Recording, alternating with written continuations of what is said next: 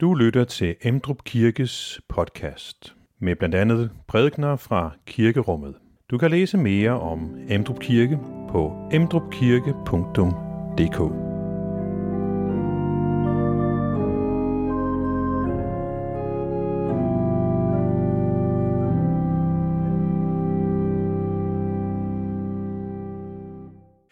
Glædelig jul til jer, som er her i kirken, og også til alle jer, som er med online. Og velkommen til gudstjeneste juleaften. Jeg har sat som overskrift, det er budskabet juleaftens ord, at Gud har besøgt vores jord. Et lille rim, nogle gange kan det være en lille hjælp til at huske, når at vi har et lille rim. Fordi det er jo det, som øh, juleaften og julens budskab handler om, at Gud har besøgt vores jord. Han var her for 2000 år siden. Han er her sådan set stadigvæk. Og han, en dag kommer han igen synligt.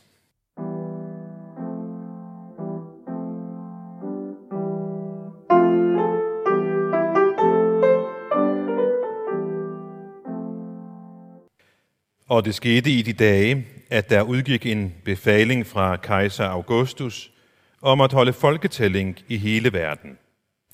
Det var den første folketælling, mens Quirinius var stadholder i Syrien, og alle drog hen for at lade sig indskrive hver til sin by. Også Josef drog op fra byen Nazareth i Galilea til Judæa, til Davids by, som hedder Bethlehem, fordi han var af Davids hus og slægt for at lade sig indskrive sammen med Maria, sin forlovede, som ventede barn. Og mens de var der, kom tiden, da hun skulle føde, og hun fødte sin søn, den første fødte, og svøbte ham og lagde ham i en krybbe, for der var ikke plads til dem i herberget. I den samme egen var der hyrder, som lå ude på marken og holdt nattevagt over deres jord. Der stod Herrens engel for dem, og Herrens herlighed strålede om dem, og de blev grebet af stor frygt. Men englen sagde til dem, frygt ikke. Se, jeg forkynder jer en stor glæde, som skal være for hele folket. I dag er der født jer en frelser i Davids by. Han er Kristus Herren. Og dette er tegnet i for. I skal finde et barn, som er svøbt og ligger i en krybbe. Og med et var der sammen med englen en himmelsk herskare, som lovpriste Gud og sang, Ære være Gud i de højeste og på jorden. Fred til mennesker med Guds velbehag.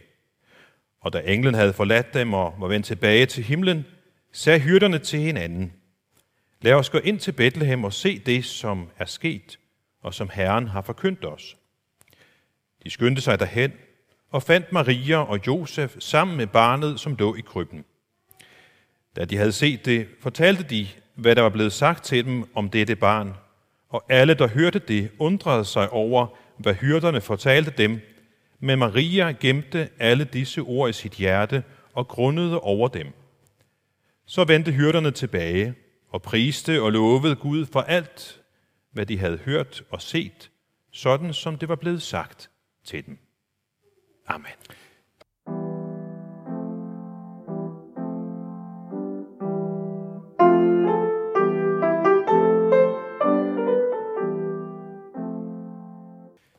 Da jeg sad og øh, tænkte ved mit skrivebord, hvordan jeg igen i år skulle finde ord for det, som vi alle har hørt så ofte før, uden at jeg bare blev en soufflør, så kom jeg til at tænke på, hvad der i år har hjulpet mig til at opnå en glæde ved den velkendte fortælling om Jesus født i Bethlehem på grund af Augustus' folketælling.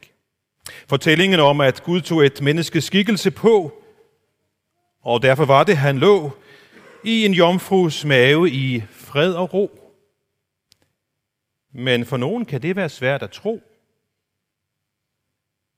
at det er en sand historie, og ikke bare en eventyrglorie, og at det virkelig skete i de dage, at Gud valgte at tage fra himlen til vores jord. Over det er en glæde stor. Og noget af det, som har hjulpet mig til i år at finde den her glæde ved netop at Gud kom til vores jord, er en lille historie, som jeg har tænkt mig at fortælle jer nu. Som handler om en mand, en masse sne, passer godt med dagen i dag, og nogle fugle. Manden han hed Manuel. Bemærk navnet. Han hed Manuel. Manuel han boede sammen med sin kone og tre børn i et hus ude på landet. Han var en venlig mand, en velgørende mand, og han viste sine medmennesker alt godt. Men han kunne ikke få sig til at tro på det der med, at Gud blev et menneske. Det gav ingen mening for ham. Julens historie om Jesus, om at Gud der kom til jorden som et menneske. Så juleaften sagde han til sin kone, jeg er ked af at skuffe dig, men i år kommer jeg ikke med til gudstjeneste. Og så sagde han, at han ville føle sig som en hyggelig, fordi han ikke troede på det, så han ville blive hjemme. Og kort efter så kørte familien afsted, konen og børnene. Han blev hjemme. Og så begyndte sneen at falde igen, og det blæste op. Han satte sig ved pejsen for at læse i avisen, og jeg tror faktisk, han var lige ved at falde i søvn, da han hørte en bankende lyd. Og så en til. Og så var der lidt flere. Og han tænkte i første omgang, ah, der er nogen, der kaster snebolde på huset. Jeg må hellere gå ud og drive dem væk. Men da han åbnede døren, så så han, det ikke var nogen, der kastede snebolde. Det var nogle fugle. De var fanget i den her snestorm, og de havde prøvet at søge ly ind i den varme stue ude fra det kolde vejr. Og Manuel tænkte, jamen jeg kan da ikke bare lade dem blive herude i det kolde vejr. De fryser, så jeg må hjælpe dem. Men hvad kan jeg gøre? Jo, vi har en stald, kommer han så i tanke om. Der står en øh, børnenes heste, og der er der jo ret varmt. Så det var en god idé. Han iførte sig jakke og støvler og trampede gennem sneen hen til stallen, og så åbnede han staldporten, tændte lidt lys derinde og tænkte, at så ville fuglene flyve ind i stallen, ind i varmen. Men det gjorde de ikke. Og han tænkte, jamen hvis jeg nu lokker dem lidt ind i stallen med nogle brødkrummer. Så han gik ind i køkkenet, fandt nogle brødkrummer og strøede dem på sneen hen som en spor hen til stallen. Og tænkte, nu hjælper det. Men fuglene ignorerede brødkrummerne og kom ikke ind i stallen. Så prøvede han, om man kunne fange dem, om han kunne ligesom drive dem ind i stallen. Ved at gå rundt om den og bakse med hænderne men i stedet for, så spredte de sig bare i alle mulige retninger, bortset fra ind i stallen. Der var det, han forstod, de er bange. De er bange for mig. I deres øjne tænkte han, er jeg et fremmed og et skræmmende væsen. Så hvis bare jeg kunne få dem til at forstå, at de kan stole på mig, at jeg ikke prøver at skade dem, men faktisk at hjælpe dem. Men hvordan skal jeg det? Så tænkte han, hvis jeg bare kunne være en fugl, så kunne jeg være sammen med dem og tale deres sprog og fortælle dem, at de ikke behøver at være bange for mig. Og så kunne jeg vise dem vejen ind i den sikre, varme stald, men så måtte jeg blive en af dem så de kunne se og høre og forstå, at jeg forsøger at hjælpe dem. Og i samme øjeblik så ringede kirkeklokkerne. Og der var der noget, der gik op for Manuel. Han stod der og lyttede til kirkeklokkerne og så på de stakkels fugle, som havde brug for den varme stald, men de var blinde for lyset i stallen, de var uvidende om varmen derinde, og de var så uopmærksomme på, at deres frelser faktisk stod lige ved siden af dem.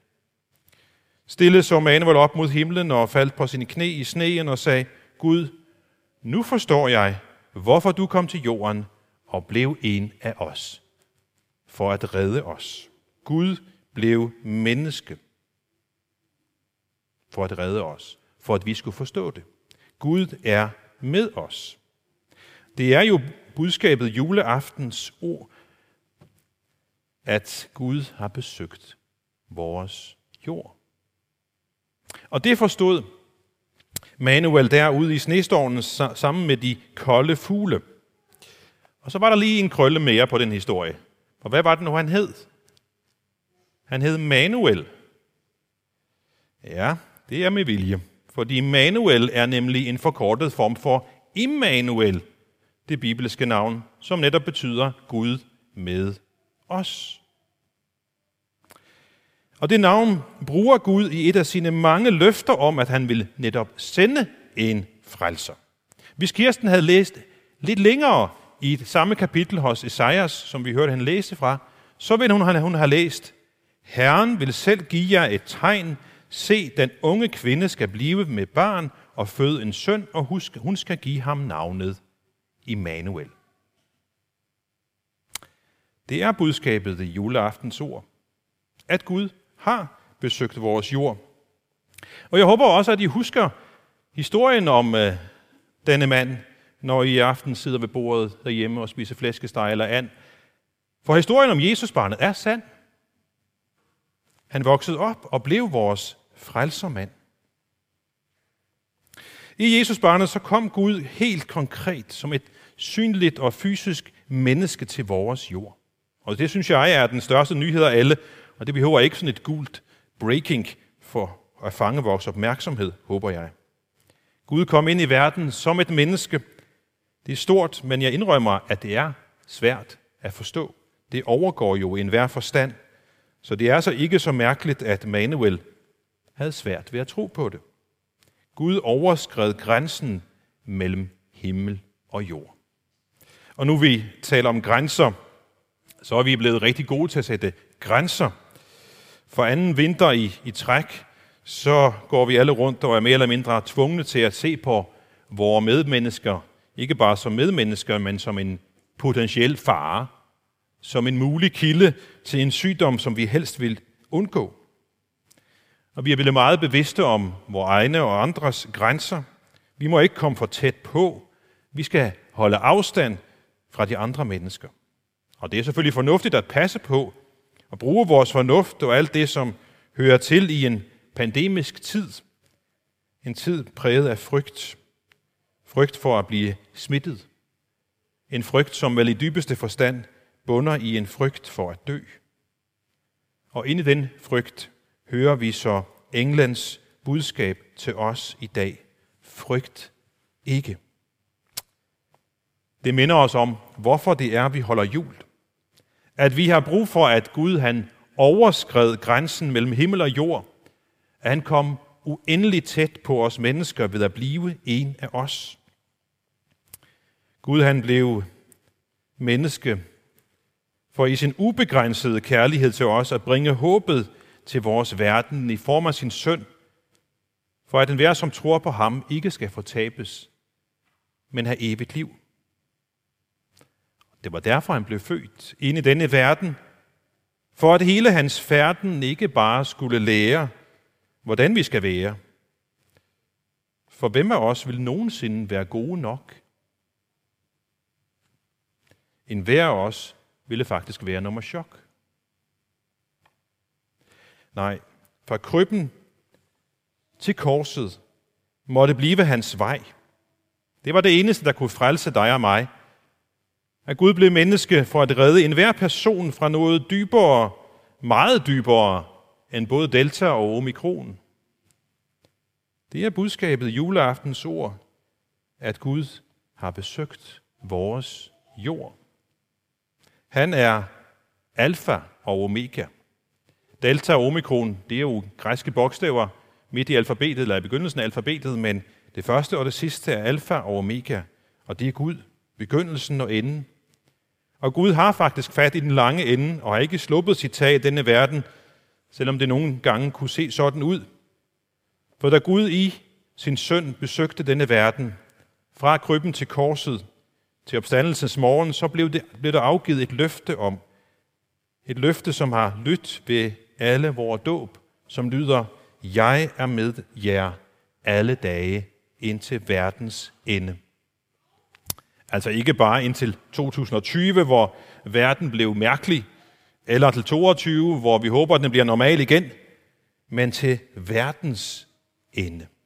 Indtil barnet i krybben, manden på korset, den opstande frelser, hvor Herre Jesus Kristus skriver det sidste bogstav for denne verden. Når han siger punktum. Og når det sidste bogstav er skrevet, så har vi løfter om, at han kommer igen. Og så skal vi erfare, at det er livets øh, rette perspektiv, at enhver, som tror på ham, skal ikke fortabes, men have evigt liv. Amen. Find flere podcast og læs mere på emdrupkirke.dk